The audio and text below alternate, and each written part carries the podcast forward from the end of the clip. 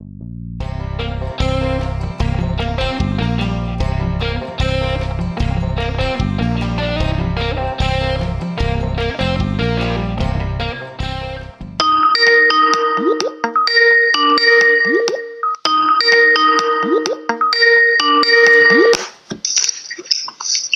David här. Tjenare! Tjenare David! Tjena. Det var Jack God dag, yes. här. Hur, hur är det med Vad sa du dig? kom? Hur är det med dig? Jo, men det är jättebra. Vad håller, Det du på, tycker jag. vad håller du på med? Hör du, jag har varit ute i skogen och rekat lite grann inför kommande björnjakt. Ja, just det. Den drar ju igång i övermorgon, ja. Jajamän. Hur, hur, eh, har ni gått om björn där nere eller? Hör du, det är väldigt gott om björn faktiskt. Det är det. Jag tror jag har... Vad har jag sett? 13 björnar har jag sett nu i vår. Och, eh, alltså bara att åka skogsbilvägar och, och sådär. Så att då är det liksom... Ja, nej, men det är gott om dem. Men helsike. Är det för gott om björn? Ja, det är det väl kan man säga. Jag kan väl tycka det. Att det känns som att det är, det är liksom för mycket björn egentligen. Men eh, ja, de har väl ökat på tilldelningen lite grann i år. Så Hade ni, också, någonting ska det väl göra. hade ni också skyddsjakt nu i vår? Som har haft här uppe i Västerbotten? Ja, de har väl kanske skjutit någon på skyddsjakt kanske sådär som har varit lite för närgångna. Det tror jag. Jag vet inte riktigt hur det ser ut. Men jag tror att de har skjutit någon här i, länet. Men du, bara för att klargöra för lyssnare som eventuellt inte vet vart du hör hemma. Eh, vart hör du hemma? I skogen höll jag på att säga. Nej, men jag eh, bor i Hälsingland mellan, eh, ja, mellan Edsbyn och Bollnäs i en by som heter Alfta, ett samhälle. Och men härstammar väl uppifrån Västerbotten, från eh, ja, en by som heter Pauträsk i södra Lappland. Ja. Just det. Och så driver du ett Instagramkonto och ett YouTube-konto, va? Ja, Och där, där, vad heter du där? Sundell Hunting. Just det. ja. Det råkar ju vara mina favoritfilmer. Och kära någon. Ja. Jag tycker att du är så jäkligt duktig på det här med, med att förmedla älg. Jag blir alltid lika så här längtansfull tillbaks till älgjakten när jag ser de där filmerna. Vad roligt att höra. Ja, det är inte så roligt för mig. Det är inte det. jo, det är det. Men, men eh, nej, jag tycker att du, du verkar ha en härlig inställning till det här med jakt. Alltså det är ju en passion man har och det är ju, ja, jag tycker den betyder så mycket för mig själv och eh, det är kul att dela med sig till andra också genom, genom filmskapandet och både film och foto och sådär och lite tankar man har. Och sen är det väl lite grann att det blir, eh, alltså det är dubbla utmaningar att försöka fånga det man gör på film. Det är inte så enkelt, men det går. Ja, det är, det är inte lätt. Men du, är det, är det älgjakt och björnjakt som gäller eller jagar du allt? Alltså jag jagar ju egentligen det mesta. Det gör jag. Men alltså jag brinner väl kanske mest ändå för älgjakten. Men eh, ja, jag jagar ju björn, jag jagar drevjakt och lite bockjakt och vakar på räv och man, ja, jagar bäver och lite allt möjligt sådär.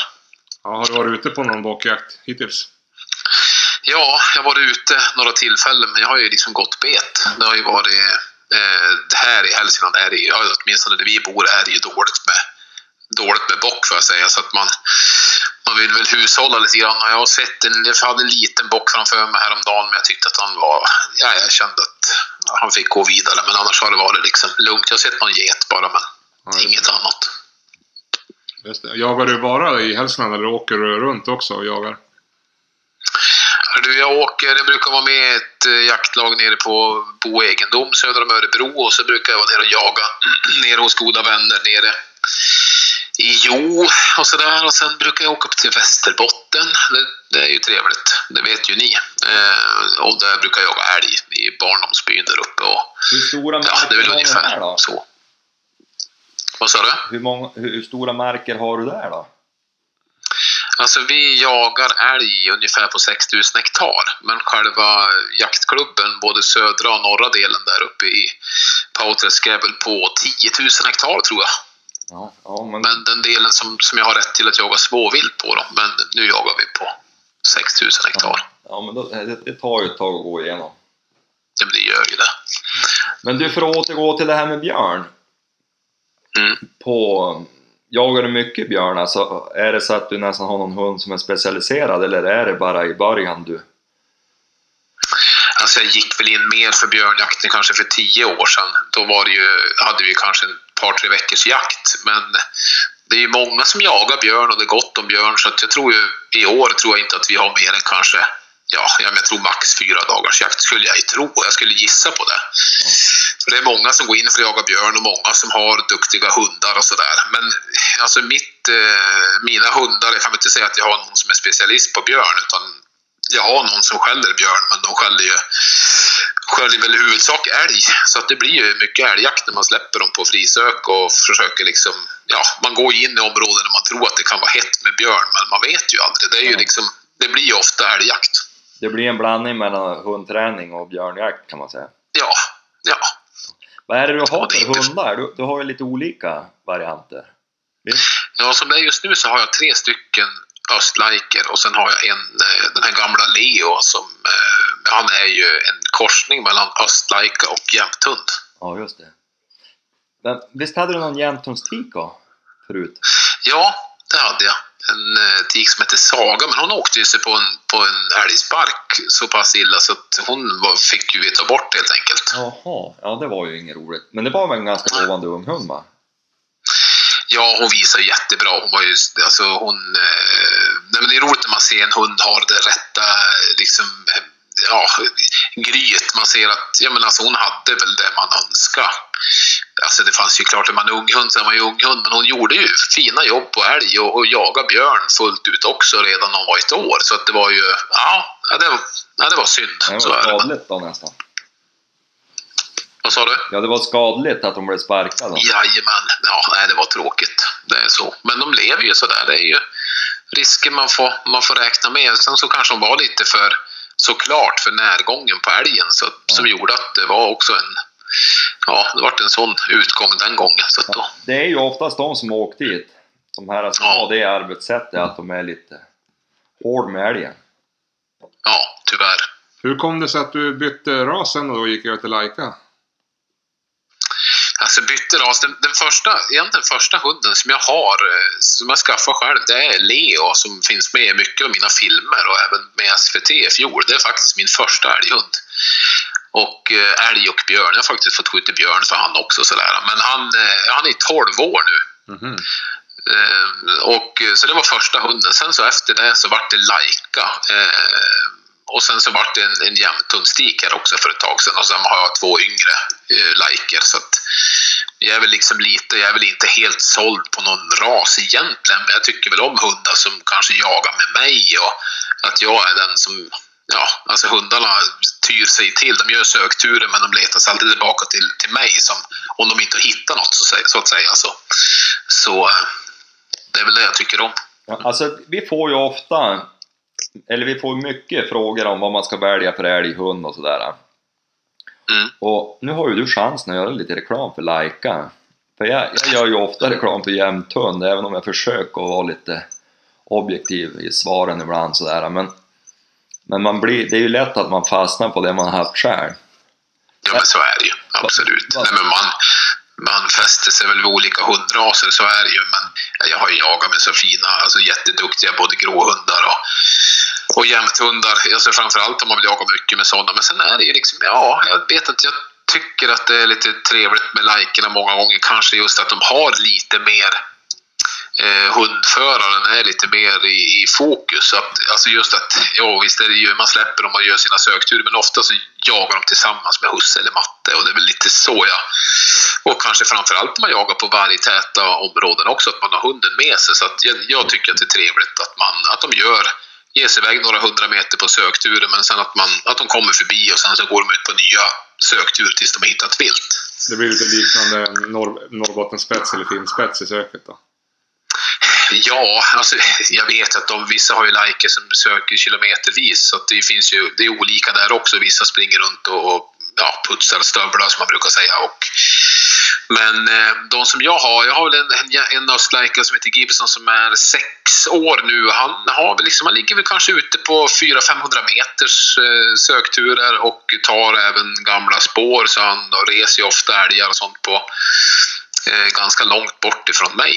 Och, men samtidigt så är jag navet i, går jag in i ett berg och, och eh, då går jag igenom det berget. Finns det ingen älg där så då är det genomsökt också. Då har hunden varit nästan överallt så att säga. Så då, då vet jag det. Men jag är inte någon sån här som är jätteförtjust i hundar som om jag går ut så vet jag inte någonting om de går österut, västerut, norrut, söderut eller någonting. Utan de gör, de, de jagar själv direkt när man släpper dem från bilen. Lite så, det är jag väl inte så här superförtjust i kan jag säga. Men... Det är ju ett gissel det där när de blir... Min sista jämthund som jag hade, han var ju sådär att han kunde lika gärna fara två kilometer ta bak och ta upp. Ja, men precis. Och en sån har man ju ganska liten nytta av, även om han då sen skällde hela dagen så det var ju sällan man fick en älgen på marken om man säger så. Ja, men ofta så bär det ju väg in på grannmarker och sen är det ju ut, har man passkyttar med sig så är det ju sällan att de tycker det är så roligt när hundar är Ja. långt inne på grannmarken. Men, men det är ett lotteri det där med hundar. Jag tycker det liksom... Ja, alltså de är ju individer. Sen har väl de olika dagar och sådär. Men ja, det är ju det är som nu med gamla Leo. Han tycker man ju varit... För mig så tycker jag han har varit jättelämplig egentligen. Att han... Eh, ja, alltså han har jagat med mig. Han har släppt älgar som har skenat. Han brukar släppt efter kanske två, tre kilometer. Sen så ja, då kommer han tillbaka till mig och så går vi och letar efter nya älgar. Och så jobbar han för att ställa älgarna. Och då är det, jag tycker det var jättetrevligt. Ja. Medan jag vet att många andra skulle inte alls tycka om en sån hund för de skulle vilja ha en hund som jagar, ja, som ska haka på någon bil och sådär, som är mer ställd att de ska vara så. Men det är ju olika så det får man väl respektera. Det där kan jag tycka är lite synd på jämthundssidan. När, när jag började jaga och så de där äldre stammarna och sådär, då, då, då var det ju, visst det kunde vara ett långt förföljande men de gav sig ju då någon gång. Ja, Men, men det har som blivit mode, eller det var då det jag slutade, som mode, särskilt de här finska linjerna och sen, alltså de kunde ju haka på hur jävla långt som helst. ja. Och, och det, det är ju, alltså man är ju inte så effektiv. Nej, det blir ingen effektiv jakt. Det, det, det, så är det ju. Det är svårt att, att lyckas med någon. eh, Och sen så egentligen som det var förr. Alltså, nu är man väl inte jättelastgammal, man var ju ändå med när man... Alltså just de här blipppejlarna, där det liksom man skulle Ja. försöka få någon vinkel åt något håll. Och så även före det, innan de pejlarna. Alltså släppa Ja. en sån hund då som hakar på flera mil åt något håll, så man, alltså man har ingen aning vart de var. Nej. Hur, Då hängde det på att de kom tillbaka och la sig på en jacka som husse eller matte hade lagt ut. Nej. hur, eh, hur kom du in på att du skulle starta en YouTube-kanal då? Nej, men alltså det var väl egentligen i samband med att jag hade skaffat Leo för, ja nu är han 12 år, men kanske när han var eh, ett par år, ett par, två, tre år gammal så började jag liksom ta med mig kameran i skogen. För då tyckte man liksom att oj, vilka fina upplevelser man fick vara med om ute i skog och mark. Och, eh, och egentligen var det väl bara för att jag skulle liksom kunna återuppleva grejerna själv. Alltså se hur det ser ut när... Alltså visst, man har ju vissa eh, minnen som har etsat sig fast i, liksom i, som, som, man, ja, som minnen som man klart kommer ihåg. Men sen att man, det är lite utvecklande och eh, intressant att se på film också eh, hur man uppfattar saker. Ibland så kan man ju, alltså jag har ju sett fler älgar på ståndskall och sånt där när man tittar på filmen än vad jag har sett i verkligheten. Och man kan liksom, ja, det är lite lärorikt att se. Så egentligen var det bara för för egen, egen skull så. Men sen när man börjar titta på materialet så börjar man liksom klippa och klistra lite grann och till slut så hade man ju knåpat ihop en DVD-film. Mm. Och jag jagade lite grann med, med Mikael Tam och sånt där. Vi jagade lite björn tillsammans och så. Och han ville titta lite grann på film under, alltså filmmaterial jag hade. Så jag skickade ner lite material. Han sa att det här, är ju, det här måste ju göra en DVD-film av. Mm. Och då, ja, det slutade med att, liksom att jag släppte Absolut älgjakt, hette väl första filmen på DVD Mm. som jag släppte. Och sen så sen liksom vart man väl intresserad av att försöka utveckla det där och man skaffade någon bättre kamera. Man, man funderade på hur man skulle lägga upp det och sen vart det en till DVD-film, Absolut älgjakt 2. Mm. Och sen på den vägen är det. Och sen så klart att man... Eh, sen har man fått någon sån här liten vision att jag, jag, är inte, alltså jag är inte den som massproducerar filmer men man försöker väl kanske...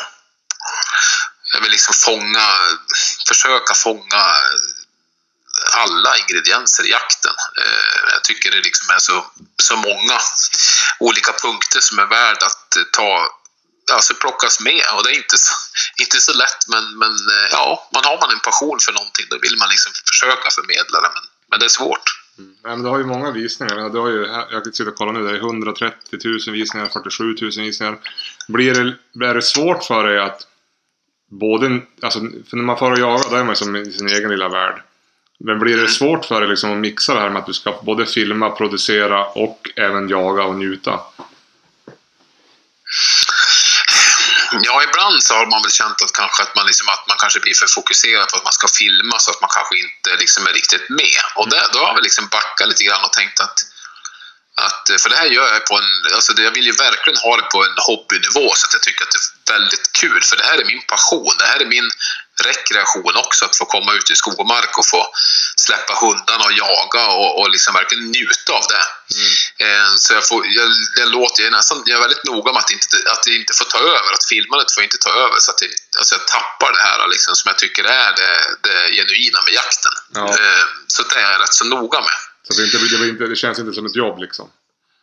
Nej, jag vill inte att det ska kännas som ett jobb utan jag gör det för att det är kul. Och så länge jag gör det för att jag tycker det är kul då blir det liksom eh, då blir det lättsamt. Men sen är jag ju sån att jag det är många som skakar på huvudet och tycker det måste vara något fel. Liksom. Varför? Du kan ju inte stå med bössan på axeln och eh, med kameran på stativ och filma ett ståndskall och inte vara beredd att skjuta. Men ja, jag vet inte, jag känner som att man... Ja, alltså det blir en dubbel utmaning. Det vet att man är, det är visst att man, det är lite skottillfällen som, som man får släppa för att man inte tog den där gluggen när, när älgen klev fram utan man stod med en kamerastativ och bössan på axeln och skötte allting själv. Men samtidigt så det är lite grann essensen av jakten tycker jag, att få njuta av. Av ståndarbete och titta på älg och hundar och det är inte absolut det viktigaste att det måste skjuta varje tillfälle utan det kan vara trevligt att försöka fånga något på film också. Ja, det är ju, då man väl har tryckt av, där är det mest jobb. ja. ja, det är ju det. Men du har aldrig mer än någon som hjälper att filma, utan det är alltid bara du själv. Jo, jag har haft med mig lite olika frugar. De har varit med och filma och, och dottern har varit med och filma och sen har jag någon kompis som hakar på med kamera och sådär emellanåt. Men Så du, att, men på, på, just de här älgfilmerna som jag har gjort, de har jag väl huvudsak liksom filmat själv. Att man har Ja. kamera med sig, man har haft kamera på bössor ibland och man har haft, ja, sen har jag kamera med mig på stativ och sen så kan jag inte låta bli att bära med mig systemkameran heller. Utan jag tycker det är liksom roligt att, ja, med Instagram-kontot och så vidare att man försöker liksom förmedla lite grann av det man tycker är, är det fina med jakten. Skulle jakten bara handla om action så då, liksom, då eh, vet jag inte om man skulle hålla på heller. Utan det är så mycket, mycket med som man vill, vill få med, tycker jag. Mm, mm. men det, det måste ha varit roligt att du fick föreviga då dottern sköt sitt första vilt. Det måste ha varit Ja, härligt. helt fantastiskt.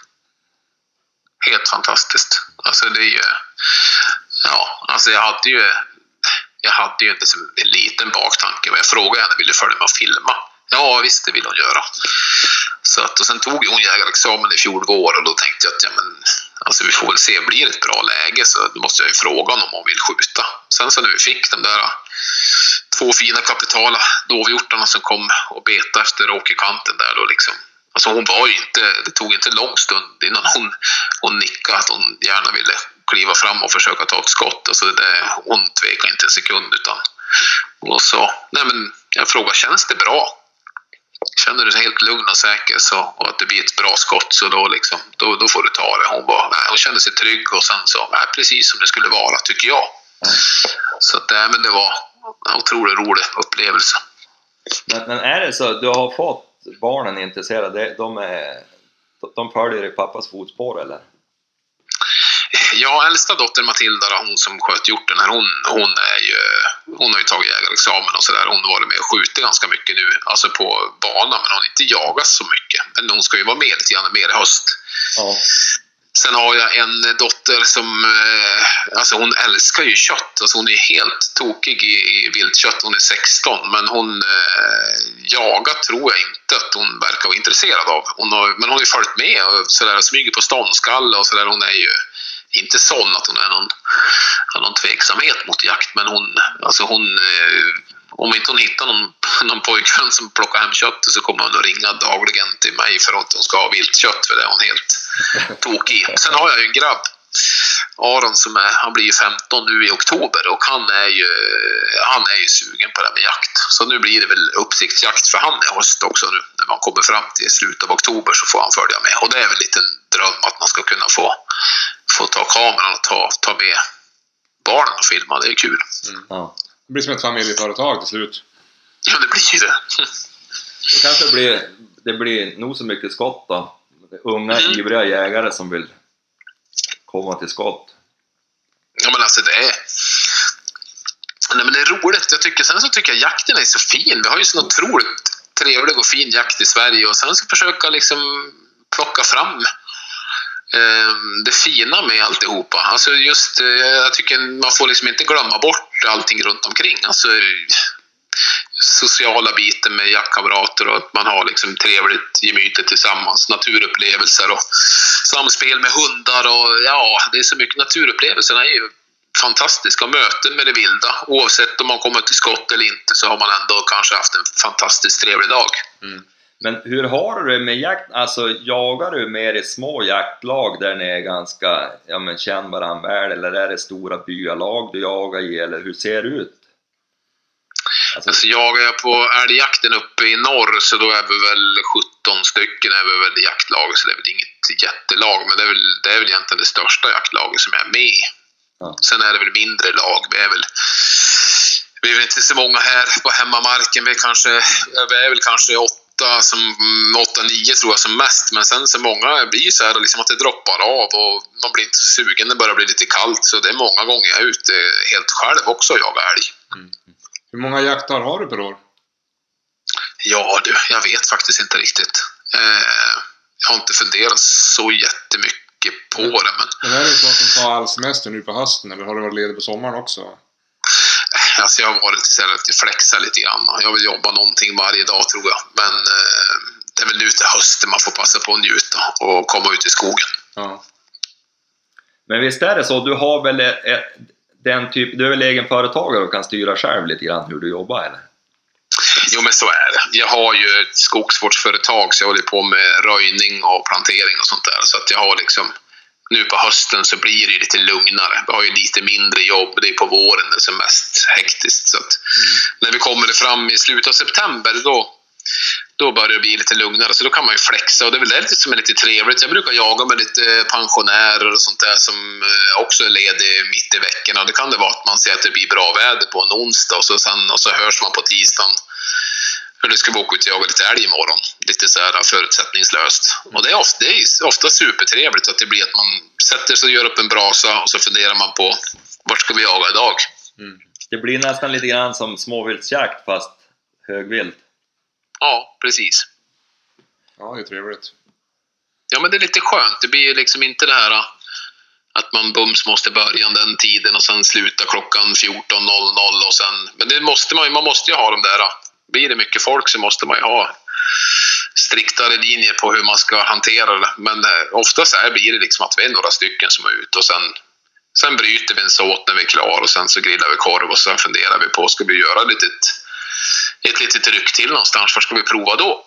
Ja, och kanske ska gå in här och testa lite grann, lite sådär förutsättningslöst. Och sen ja, ofta så kan det ju bli riktigt trevliga jakter och bra hundarbeten och sånt där det inte är så mycket passkyttar heller. Utan, Ja. Och då är det som, som lyckat.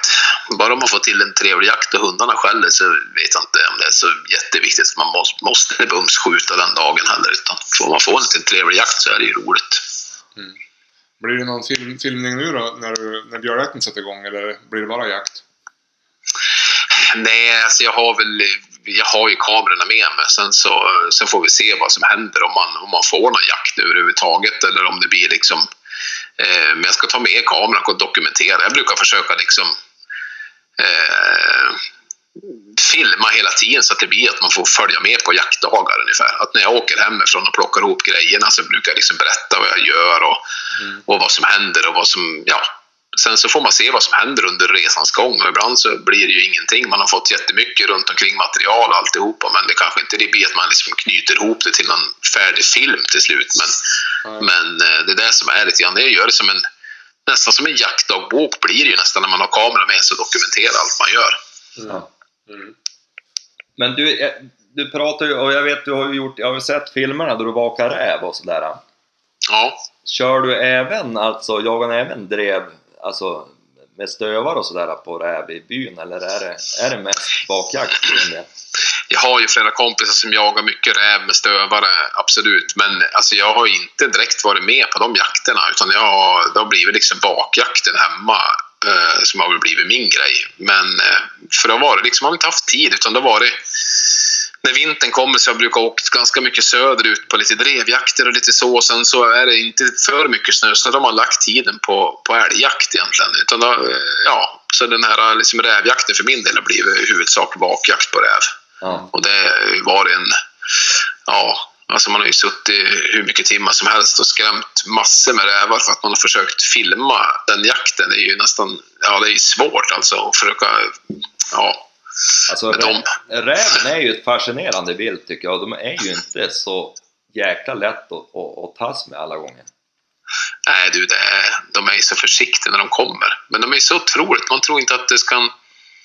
Man tänker att man kan inte få puls av att liksom sitta i boningshus uppe i en skrubb eh, i en vaklugg och få puls på att det kommer en räv. Men det blir ju som en... Alltså den mörka skuggan kommer glidandes i månljuset. Man blir ju liksom... Ja, spelar liksom ingen roll hur mycket räv man har jagat och skjutit så blir det ändå pulsen går upp liksom. Ja. Det, det är liksom häftigt. Ja, det ser ju ut som att du har rätt bra, alltså det är öppet runt huset. Du, du, du har ju ofta ganska bra ljusförhållande känns det som. Ja, det har jag ju. Sen har jag ju någon hjälp med, liksom, med en IR-lampa som, som eh, förstärker filmen så att säga. Det är ju ingenting som jag ser någonting av utan det är ju bara någonting som kameran tar upp. Så jag får ju liksom ingen hjälp själv utan det är liksom ett...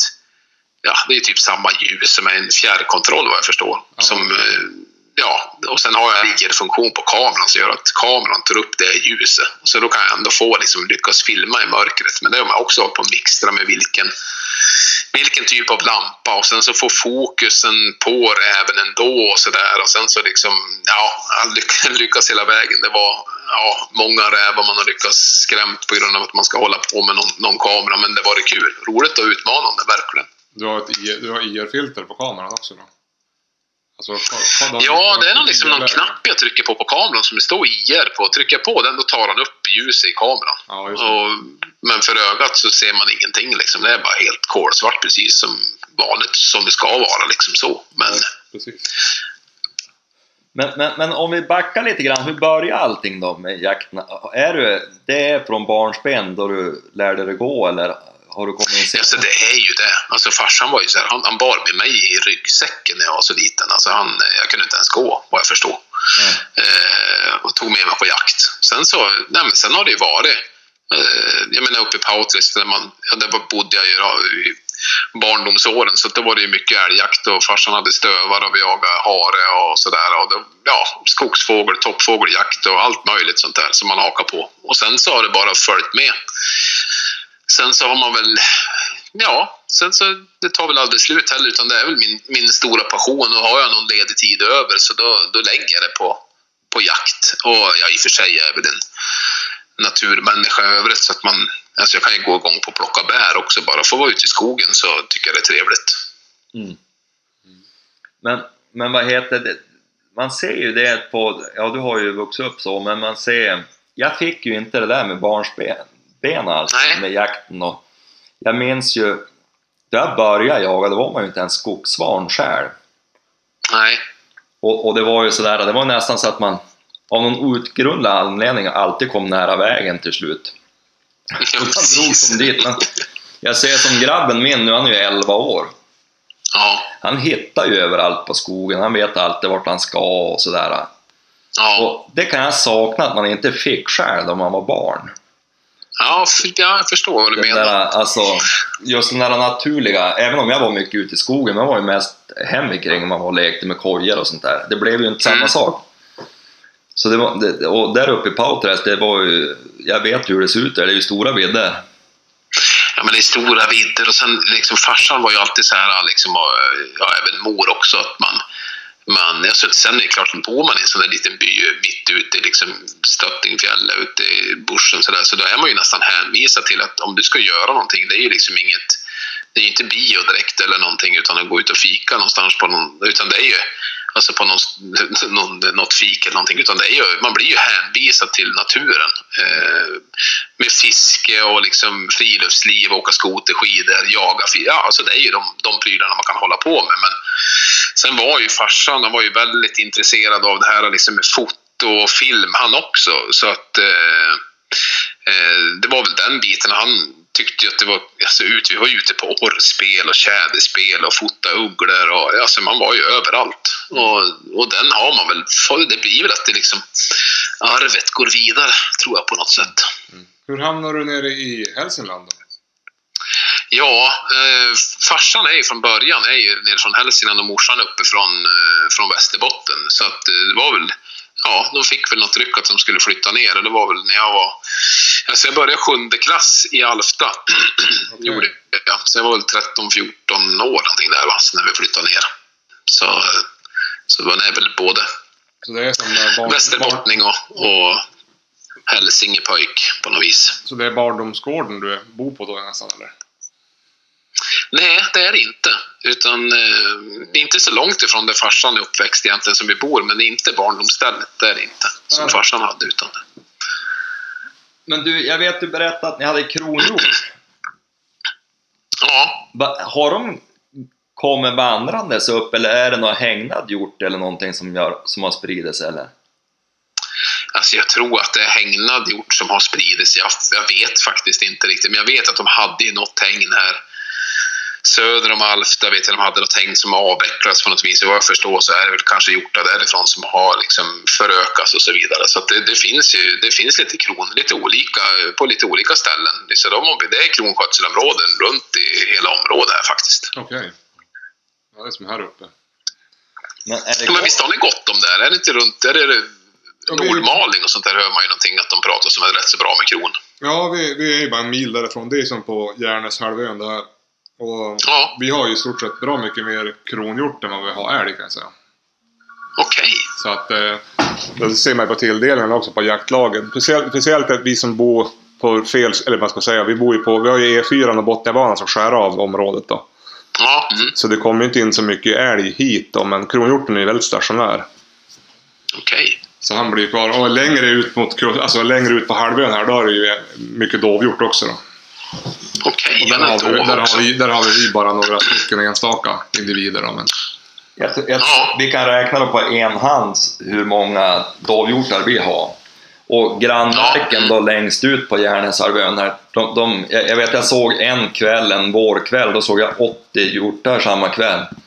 Oh, så att det, de är ganska stationära dovhjortarna, de, ja, de sprider sig sakta ja. som tusan. Mm. Men då har vi däremot väldigt mycket kronhjort. Ja, det, det, är ju, det torde väl gå 10-15 kronhjortar på varje älg ska jag tro. Oj! Så att det, vi har faktiskt riktigt bra. Med, vi har en bit över 10 hjortar på tilldelningen i år på, på 2700 hektar. Mm. Jaha, oj oj oj. De har det så pass med hjort. Vad kul. Ja, och då har vi istället två älgar på tilldelningen. Så att... ja. ja. Du vet, det var ju, de byggde ju Botniabanan här. Och jag tog just upp det. Av, eh, den avgränsar. Ja, och, och det är det som, alltså, de har ju stängt för så älgen vandrar ju inte in som man har gjort tidigare. Nej. Och så låg väl tilldelningen lite högt under första fem åren kanske och då, ja du vet ju, det går fort att förstöra en stam. Ja, precis. Absolut. Nu har det blivit lite bättre, men, men det är ju det är ju inte lönt att ha en älghund om man säger så.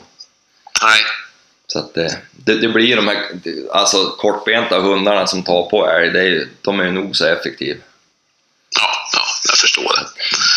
Så det är... Ja, men det blir, har ingen annan. Du, men du jagat älg tidigare bortåt, uh, ja, in över mot Skarven någonstans. Ja, fast jag, jag hade markerna uppe i Burträskområdet, där är det ju jäkligt gott om älg istället.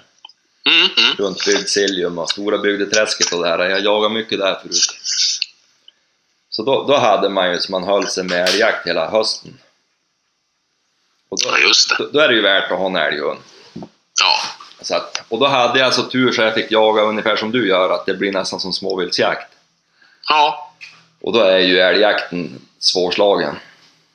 Ja, det är helt fantastiskt. Alltså sen, ja men som i fjol också när man var med med Peter där Ekeström när vi gjorde någon inspelning för TV där, då var det ju på alltså 9000 hektar med löshundar. Liksom. Det är ju helt... Eh, alltså jaga älg när man inte är så mycket folk är ju...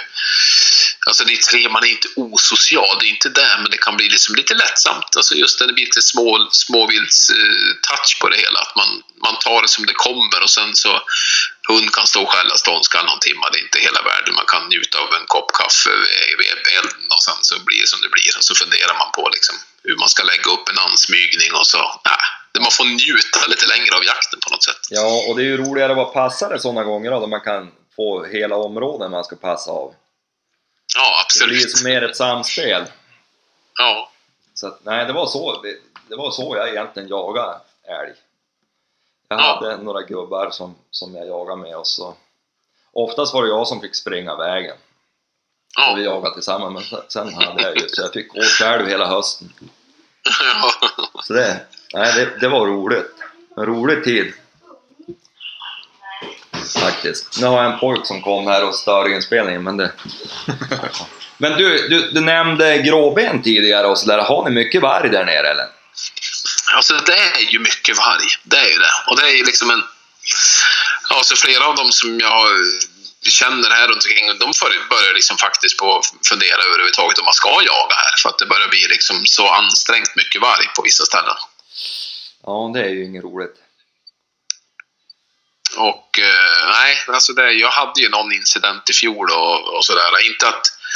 Ja, men liksom när man, när man har ett ståndskall och sen så av någon anledning så bara eh, går det lös. Och då kan det göra ändå såklart. Men jag tänkte liksom, ja, men det var ju synd. Och så går det in på grannmarken och så ringer en eh, vän där inne från, från grannmarken ringer och du David, är det din hund som kom älg över vägen här inne på vårat? Ja, men det stämmer det. Ja, för att vi alltså, skynda hit, vi måste försöka få in hund. Ja, men vad är det då? då? Ja, men då kom ju först älgen på vägen. Och så sen kom hund strax efter och skällde på för fullt för han kom ju bara lunkande där älgen, så det var ju liksom gångstånd. Men sen var det bara typ 70-80 meter efter, då kom ju en varg också i samma löpa. Ja jävlar. Ja, jäklar, det är ju ingen höjdare. Och så sitter man där i bilen och så sen så liksom blir man så här, oj, det här är ju väglöst. Ska jag åka runt och komma runt alltihop och så tar det liksom kanske 35 minuter. Eh, och då blir man så här. Och sen, ja, när man har sin familjemedlem där ute i skogen, man blir ju nervös. Alltså, så är det ju. Men alltså, det gick bra. Vi fick in hund och ingenting hände. Så det var ju liksom, men det var ju en, en 45 minuter av ren ångest. Så är det ju. Men, Ja. Eh, så att man är lite, det är lite jobbigt. Sen hade jag en till incident. Det var på lodjursjakten. Vi hade ett eh, inringat eh, lodjur som jag släppte på och då var det bara iväg och så var det ståndskall i en ravin och jag var på väg dit. Och då var det ju vargar alltså som eh, fullt med vargspår helt plötsligt. Vi hade inte sett några vargspår när vi hade liksom ringa där men helt plötsligt så hade de dykt upp där då. Och då, då hörde man vargarna som ylade alltså runt där hund stod och skällde ståndskall. Jag visste inte om hund hade bytt och skällde på en varg eller om han, Jaha. om han eh, eller om vargarna höll på med ja, Jag visste ju som ingenting men, men alltså, vi, det hände inget Alltså det hände inget då heller utan det var ju bara att han hade ju gryta, ett lo inne i berg och vargarna var alldeles intill och sen om de försökte eh, skulle göra någonting på hund, det visste jag inte heller. Men det är ju den här, ja, det är jobbiga, jobbiga tider har det blivit faktiskt på så vis. Ja. De har ett revir där då kan man säga. Alltså du, det är många revir här. Det finns liksom ingenstans egentligen i Hälsingland som vi inte har ett revir längre. Utan det, de går i varandra reviren. De går över varandras gränser och, och eh, så, så det är liksom lite tungt. Så just nu faktiskt så ser jag egentligen mest fram emot att åka upp till Pauträsk och få jaga älg. Ja. För eh, jag tycker liksom den här... eh, det är lite därför man jagar också, för att kunna gå ut och känna att man kan liksom ja, men slappna av och få den här rekreationen också. Man behöver inte känna den paniken och stressen utan man kan bara gå ut och kroka lös hundarna och sen njuta av jakten. Det är viktigt för mig faktiskt. Ja, visst. Eh, Blir det premi- älgjaktspremiär där uppe eller här i Västerbotten? Ja, det blir det. Just det. Så det blir väl septemberveckan där som man eh, får väl hoppas att det blir lite svalare väder än vad det är just nu i varje fall. För nu vart det ju verkligen hög sommarvärme. Ja, det blir ja, det är ju typiskt. Jag, jag har ju, jag har ju finspets och nästa vecka, och Jörgen har ju pointrarna här och den 25 nästa vecka verkar det bli 20 grader varmt. Okej. Och det var ju samma sak förra året. Då hade vi ju upp några kompisar från Småland och jagade. Då var det väl ja, men 25 grader. Ja. Det, gick, Ja. det, var, det går ju som inte att jaga. Nej, nej. Det är ju Men något alltså det, timmar på morgonen. ja, det är ju så. Men det är ju en trevlig jaktform. Alltså den, det har jag väl växt upp med också med finspets. Farsan hade väl tre finspetsar på raken eh, när jag växte upp och det är ju väldigt trevlig jaktform också. Ja, ja, jag har bara en valp. Han är fem månader snart då, så att det, Mm. det blir ju injagning i höst. Ja, Så att, men han har visat intresse hittills och sådär. Det, har- varit roligt. Så att det, man ser fram emot tisdagen. kul. Vad roligt. Så men det är samma sak. Höstarna blir så varm så man, många skjuter ju på älgjaktspremiären och så ser man sen då, jag brukar hålla på mycket med toppjakt och det, den är nästan också obefintlig här uppe eftersom det blir ju som ingen snö förrän sista veckan i januari oftast. Nej, precis. Och då är ju säsongen över. Ja, Så att allting är ju som förskjutet. Det är ju lite tråkigt. ja precis. Det är ju sällan man får sådana här frostmånader som man kunde få förut, alltså under septemberjakten numera. Ja, men det är ju det. Alltså, oftast är det ju nästan hög, ja, det är ju högsommarvärme när man ska jaga. Så Ja. det är ju lite svårt. Och sen när man jagar älg, då är det ju alltså, ta hand om köttet. Man får nästan bryta tidigt för att man måste frakta hem älgarna och få in dem i nå- något kylrum. Liksom. Ja, men jag, vet, jag vet när jag följde med farsan på älgjakt på 80-talet när man var liten. Då var det ju skoteroverall på premiärdagen. Ja, Alltså, det, var, ju- det var ju precis. skitkallt. Och nu är det liksom t-shirt. Ja, det, det är snett. Klockan nio är det t-shirt. Då är det liksom bara strippa. Ja, men visst. Fördelen är ju då man sitter på pass, det är ju skönt att sova i sommarvärmen. Nej, Ja, men blir det långsamma dagar, då är det ju perfekt. Ja, det är det. Men, men, men eh, nej, vi har ju faktiskt haft lite varg här nu på sistone. I, Ja, men just det. Ja, men det såg jag något om. ja, och jag är lite orolig just för det. Det känns som att Länsstyrelsen försöker få till nästan så att det ska kunna vara någon föryngring här i Västerbotten snart. Jaha, okej, Och okej. då är det ju ingen höjdare. Nej. Vi hade ju någon incident med någon stövare här för några år sedan, bara en bit in härifrån. Ja, Och, det kommer jag ihåg. och i fjol minns jag, då ringde det. Där. Jag satt faktiskt och hade stövaren lös på skogen och så, då ringde det och då berättade de att då, på grannmarken, alltså en bit in här på andra sidan E4, då hade de ju, och jag var på andra sidan E4 då med stövaren, då Mm. hade de ju sett varg där. Okej. Och det känns ju inte jättekul då man har en stövare som är så tjurig man aldrig får igenom. Nej, nej, nej, nej. Och sen så att man liksom... Eh, ja, men de, den typen av hundar som låter hela tiden också. Det är typ som att man nästan ropar på varje inkom. Här är jag liksom. Ja, Det ja, känns ju så. ja visst. Jo, det blir som en wobbler. En vargwobbler nästan. ja. Men, men eh, du, du pratade tidigare om att du brukar vara nere i södra Sverige och jaga på, på, på Ja. senhösten. Så är, det, är det någon person du har fått senare i livet eller har du alltid hållit på att åka söderut? Nej, det har jag väl inte. Det är kanske de sista tio åren som jag brukar åka ner. Det är väl att man har fått lite mer kontakter. Det är väl också det här med att man har, ja, dels har man hållit på med lite hundar och, och parningar med liker och sånt där som har gjort att man har fått lite bekantskaper så. Och sen är det väl kollegor och sånt där som jag jobbat med tidigare som den är från Uppsala som har varit ner dit och haft lite så här utbytesjakt. De har varit uppe och jagat någon dag, vi jagat lite björn och sen har man varit ner till dem och jagat lite hjort och lite bock och lite sådär och lite drevjakt. Sen så, men så har jag erbjuden att gå med i ett jaktlag nere på Bo egendomsrutor där nere. Och så där har vi också jag har varit med i två år nu är det väl. Så att, och det är det trevligt. någonstans? Vad sa du? Vart ligger det någonstans? Det ligger eh, Hjortkvarn heter det. Vad kan det vara? Fyra mil någonstans söder om Örebro ungefär. Jaha. Lite sydöst om Örebro. Gränsen mot eh, Brevens bruk. Ja, okej. Är det mycket Eh. hjort och grejer där då? Det är väl i huvudsak dovhjort. Men eh, dovhjort, kronhjort och vildsvin är väl i huvudsaken. Det är väldigt lite med rådjur där. Men annars så, nej, det är väl gott om, om dovhjort. Men det är ren skogsmark. Ja. Så att eh, det finns en liten, liten åkerplätt bara precis där, där jaktstugan är. Och sen så, så har vi liksom, ja, ren skogsmark. Lite varierat eh, planteringar och det är liksom hällmark och grovskog och liksom, ja, nästan lite Norrlandsstuk nästan på det hela faktiskt. Men jag, jagar ni med kortdrivare där då eller jagar ni med kortbenta hundar eller hur?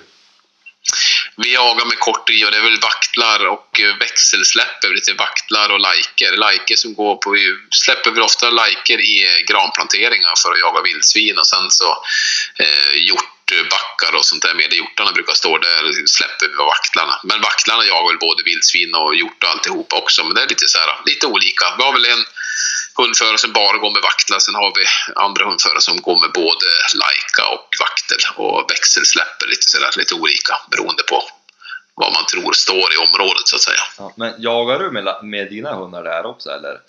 Alltså jag har ju, jag har ju släppt de här, jag har ju två Laiker som är lite yngre som jag har släppt där nere och eh, provat. De har ju skällt vildsvin för fullt där nere så att det är ju eh, men de är ju fort, de är ju lite för, eh, de hänger på lite för mycket sådär. Alltså det är ju lite tendens när man jagar in dem här uppe att om man, om man jagar älg på lite glesare marker och det är lite, lite krut i hundarna så är det ju, alltså det blir ju att hakar de på en 2-3 kilometer då är, ju, då är de ju långt borta om man tänker på, på såtarna som vi jagar. Ja. Jo, det blir lite kulturkrock.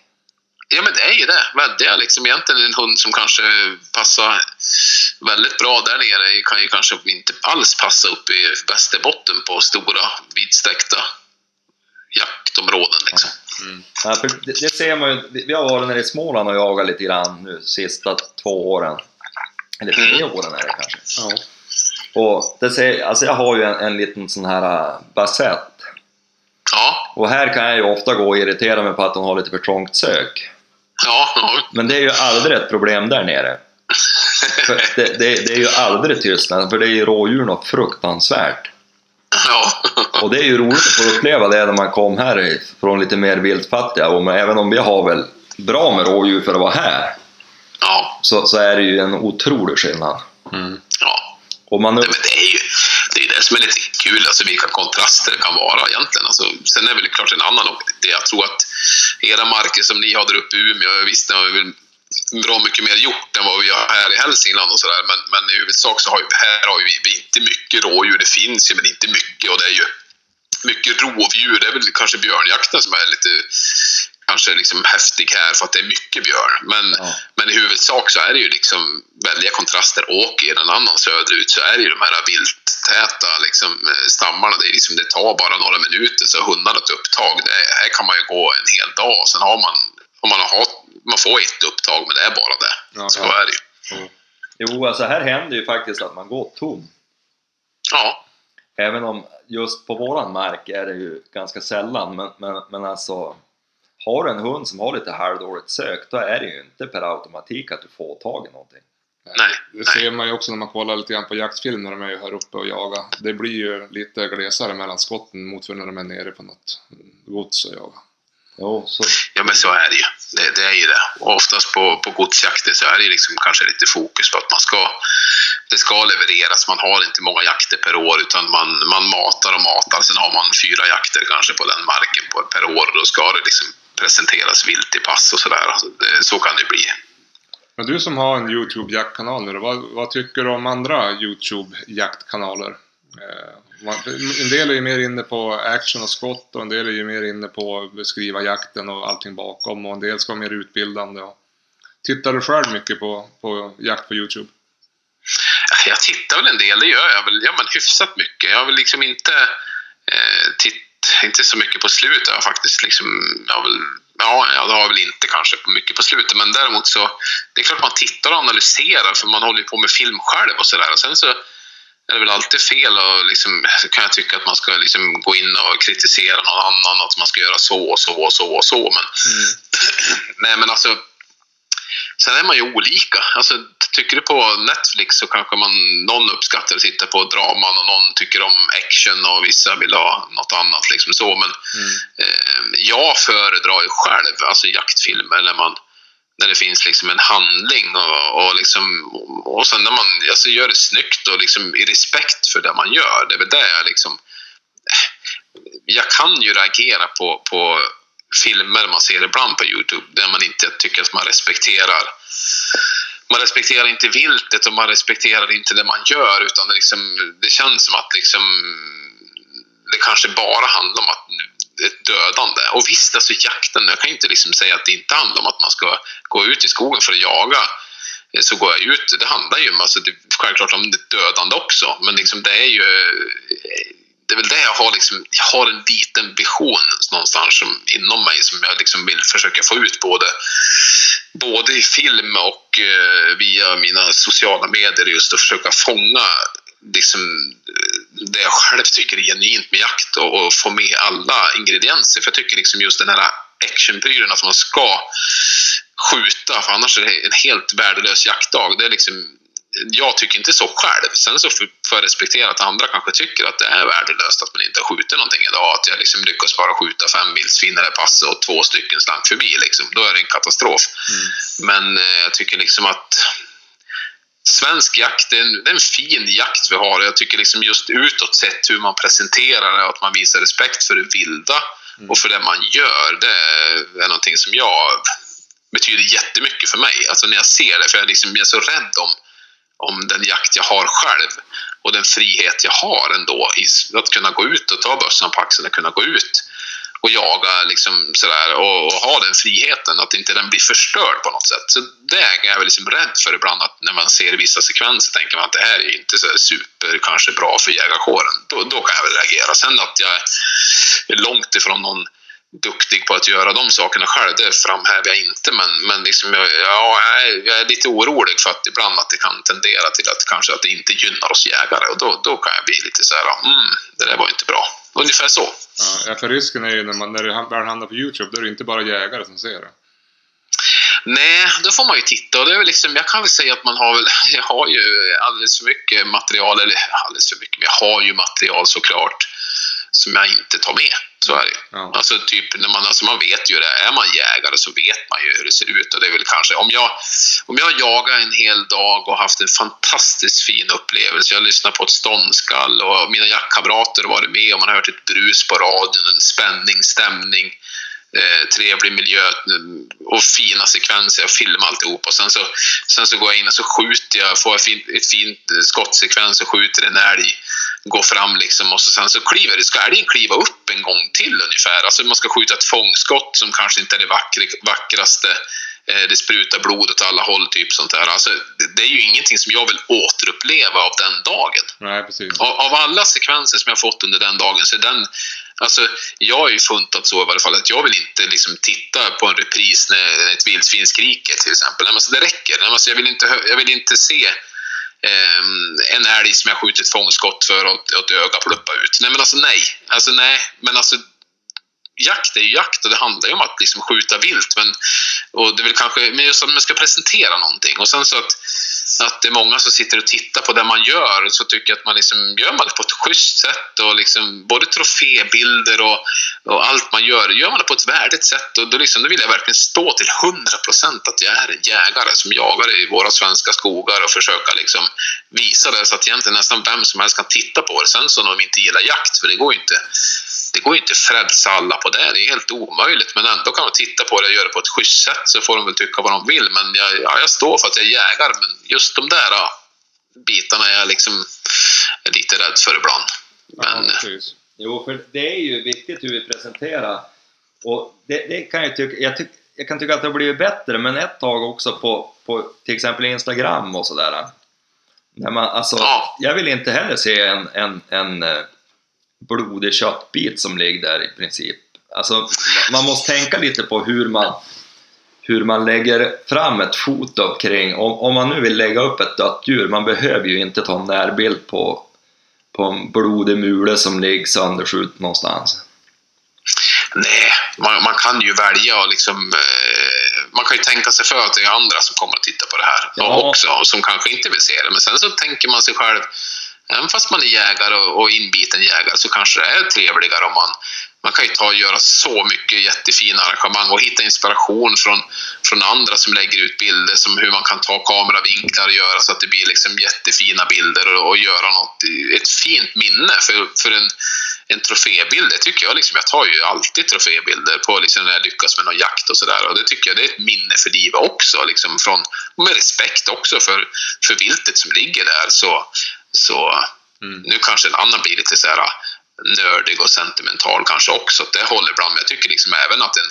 eh, Ja, men till exempel om du skjuter en björn nu då. Liksom, om jag bara slänger ut en bild på en björn, kanske, även fast det är en fin bild, så liksom, om man skriver så här, björn 1 i backen, björn 2 i backen till exempel. Så här, alltså, jag hade ju önskat, jag är ju så här liksom, att jag skulle nästan vilja säga bara liksom några ord om upplevelsen, en- några ord om en känsla liksom att, att liksom efter en fantastiskt spännande jakt så, så kommer björnen i pass och jag får uppleva det här eller någonting om jakten. För man är ju liksom, man vill nästan höra lite grann, liten, liten historia om den där trofén. Alltså den där björnen som ligger, eller älg eller vad det kan vara liksom.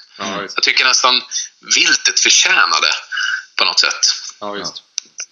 Hur, eh, Utan att romantisera det man håller på. Att det är inte så, men alltså just i respekt för det man gör. Så det känns ju, det är trevligare flöden, tycker jag. Ja, jo, jag håller med. Vad heter, hur ser förberedelserna ut då inför fredag nu då? Är det bara liksom att vänta eller har du något... Vad händer? Alltså det är ju, alltså oj vad timmar man har lagt på förberedelse för björnjakter. För man pratar om 10, 11, 12 år sedan. Då åkte man vägar, letade efter björnskitar, tittade på bärområden och leta. Ja, alltså man var ute och tittade och reka jättemycket. Spåra av vägar, nybrutna vägar och titta liksom efter björnspår i, i dikeskanter och spåra av. Eh, försökte liksom skanna av hur ofta björnar gick och liksom sådär. Mm. Det har väl varit ungefär så. Fram, och så nu är det väl ungefär att man, man gör på samma sätt. Eh, jag vet, sen har man ju lärt sig. Man har ju jagat så många år på, på markerna här så man börjar liksom nästan lära sig lite grann ungefär vart björnarna brukar kunna ha sina dagläger. På vissa ställen så kan man, alltså på älgjakten, man får tag på björn på frisök många gånger på, på vissa ställen. Och det är ju sådana ställen som lite sur surdråg och sånt där och lite tätningar många gånger som de kan ta sin daglega där man har flera gånger rest björn. Det är klart att sådana ställen är ju, är ju intressant att besöka även på björnjakten såklart. Och sen är det ju, havreåkrar är ju heta. Okej. Eh, Så vi har ju något uppslag, men jag har ju inte någon liksom så så att jag sett att de har varit där eh, varenda natt eller någonting. Men alltså de har gjort något stråk igenom och beta, men jag har ju liksom ingenting som är eh, hett, hett. Men de vet ju, jag har en björn som vet av att det är havre på ett ställe så att, men jag var dit i, när var jag dit? I förrgår var jag dit och då var det ingenting nytt. Jag har inte varit dit idag, men jag tänkte jag ska åka dit imorgon Mm. eh, på förmiddagen och gå ett varv runt och titta om björn har varit där någonting nyligt. Så det är väl liksom någon, någon sån grej och så, så kanske man kan göra ett ta en hund i ett koppel och försöka liksom göra någon ring på morgonen och se om man kan hitta och få tag på något spår och sådär. Annars är det liksom frisök mycket på, på heta ställen, bärbackar och där man vet att historiskt att björnarna brukar ha sina dagläger. Det är ju typ det. Annars gör inte jag någon, någon större grej av det så, utan jag ser också väldigt mycket som hundträning inför älgjakt och sen hoppas man på att de hittar en björn. Lite så. Ja, vad heter det? Man har ju läst mycket i sommar om björnattacker. Man säger. Folk som har blivit överfallna bärplockare. Och du, är aldrig, Ja. du är aldrig nervös då när du är ute i skogen? Är du, är du rädd för björnen?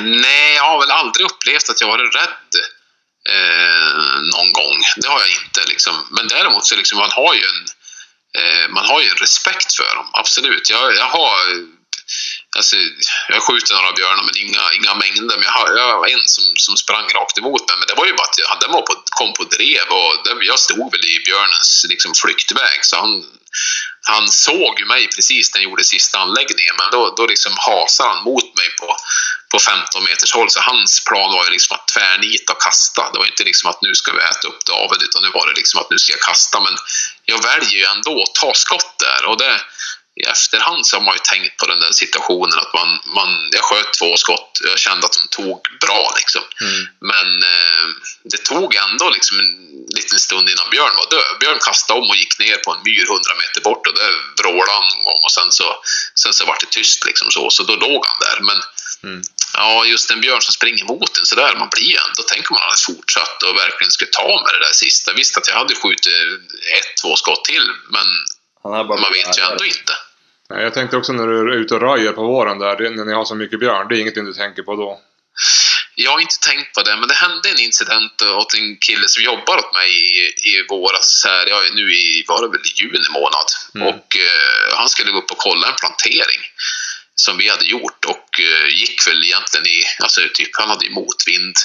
Han, eh, han är också jägare, eh, den här grabben, och han ja, gick väl och trippade på en liten basväg i skogen, kom över ett backrön precis och när han kommer över backrönet så ser jag att han har en björn bara kanske på ja, 15 meter bort ungefär. Och eh, sen så hinner han inte tänka någonting mer utan hon kommer ju typ och ska ta honom. Den är bilden han får. Mm. Och hon, hon kutar alltså rakt emot honom och, när, när, och han påstår att det är så att, att Björn stryker mot kläderna på honom. Mm. Så nära är hon ju. Ja. Och så sen vänder hon tillbaka och så tillbaka där de kommer ifrån. Och då får han se att det är två små mörka björnungar där. Mm.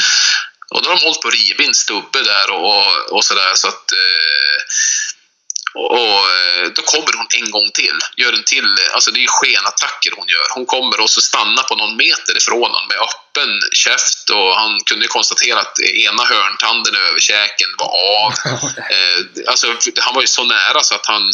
Eh, men det gick bra. Björnen vände om, gick tillbaka till stubben, tog med sig sina ungar och så sen så lufsade de iväg i skogen och, och tog Thomas där han vände sig om och så gick han ner tillbaka till bilen då, eller lunka misstänker jag, kanske sprang till bilen. Men alltså det gick ju bra, men ja, det vart ju en liten utredning där och sen så fick jag ju prata med Arbetsmiljöverket och göra en liten utredning hur man kan undvika det här och så vidare. Det vart ju en apparat. Men, men eh, ja, det är väl bra att det kommer upp också, att det kan hända. Mm. Men eh, hur stor sannolikhet är det får man ju fundera på att det händer. Ja. Ja. den, och hur många gånger går det sådär att det inte hände?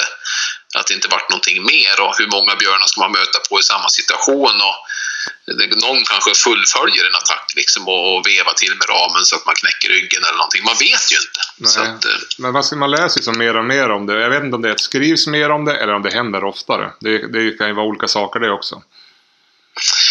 Ja, och det är klart att ju mer björn det blir desto fler sådana här incidenter får man ju vara med om. Så, det, så är det klart att det, det, risken ökar ju utifrån att det finns mer. Så det var väl min, det var väl min eh, åtgärdsförslag gentemot till Arbetsmiljöverket. Vi kanske måste skjuta lite mer björn. Ja. Och sen så, ja, det är väl typ, vad kan man mer göra för åtgärder? Det är att man gör sig hörd när man går ut i skogen. Vill du inte träffa en björn, ja men lev om i skogen och gå i medvind kanske och, och sådär. Så då kanske du inte behöver se det där. Då hade det säkert inte hänt.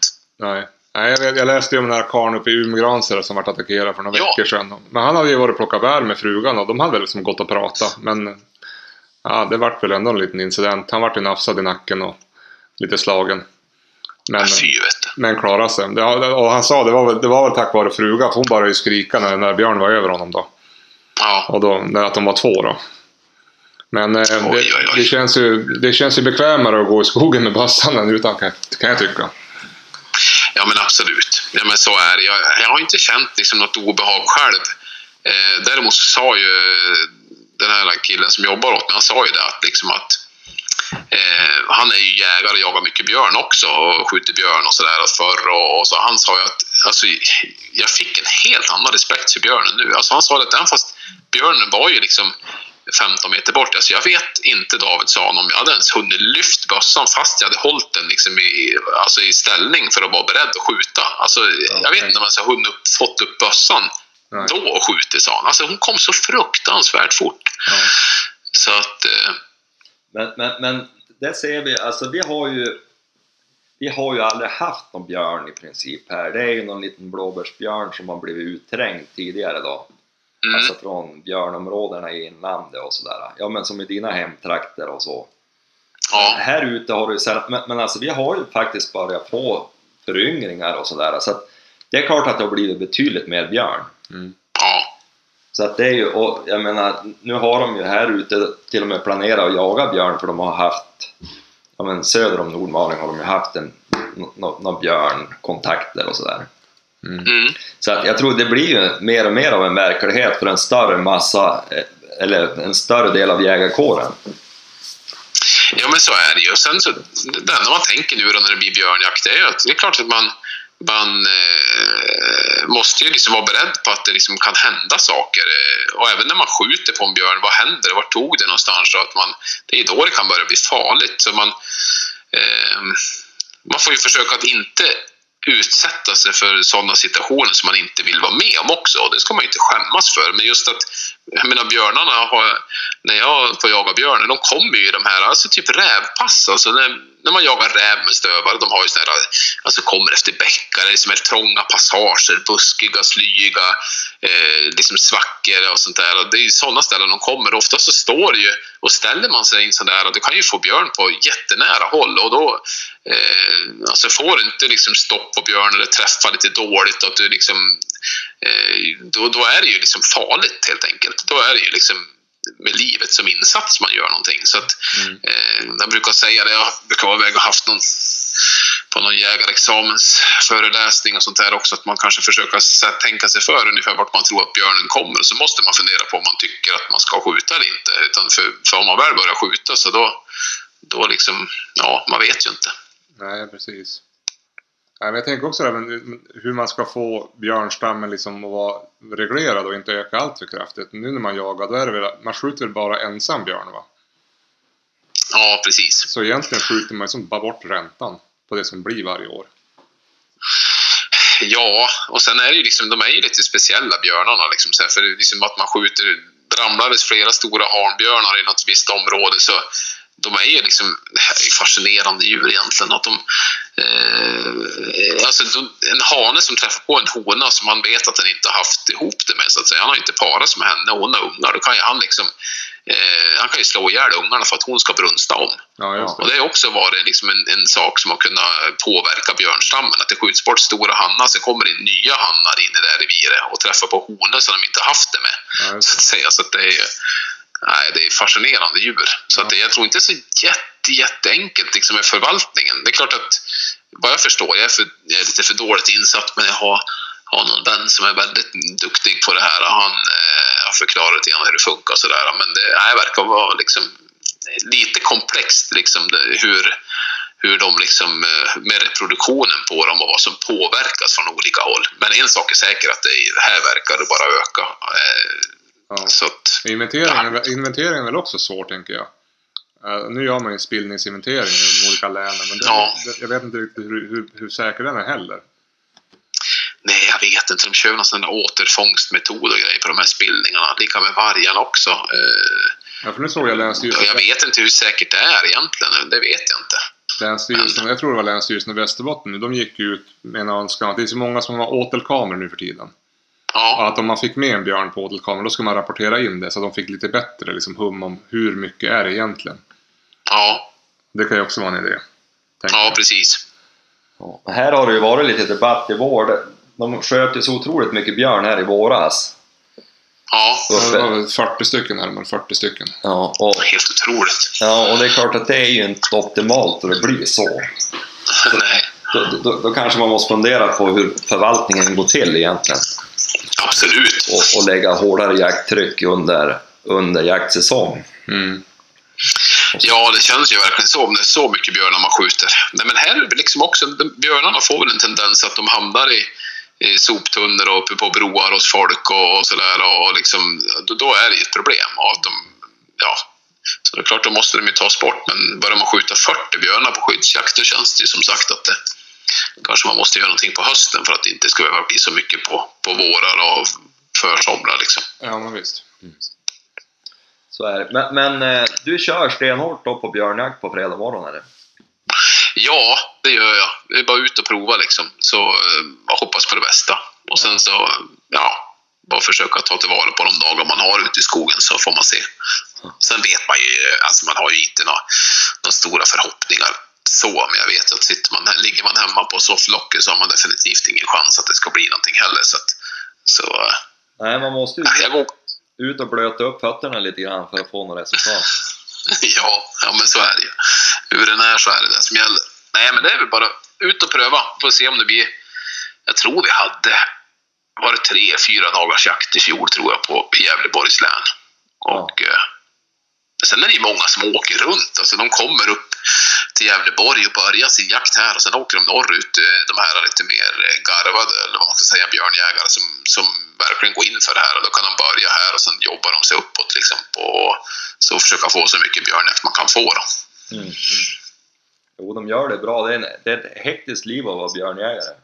Ja, det är ju det. Ja, men hörru du David, det var väldigt trevligt att få prata med dig en stund. Ja, fått- men det var kul att ni hörde av er, Ja, tycker Jag jag. har sett mycket fram emot det. Jag vet inte... Jag har fastnat mer men jag tycker att du gör bra filmer och så... Ja, det blir väl... Man får lite grann... en- Jag, jag följer dig på Instagram och det, du, du... Du fängslar. Ja, men vad kul. Så det var intressant att få prata en liten stund. Ja, men det var jätteroligt. Jättekul att ni hörde av er. Och för de som inte har varit och tittat på dina filmer eller inte följer på Instagram, då kan de söka på Sundell Hunting. Ja, absolut. Ut och kika. Nej, men, ja men du David, då får vi tacka så mycket så får du ha det och så säger vi skitjakt på fredag. Ja, men skitjakt på er också. Lycka till med finspets uh, unghunden där också. Ha det så gött. Tackar, tackar. Jajamän, ha det gott! Säg så. Ha det. Fint. Hej. Hej!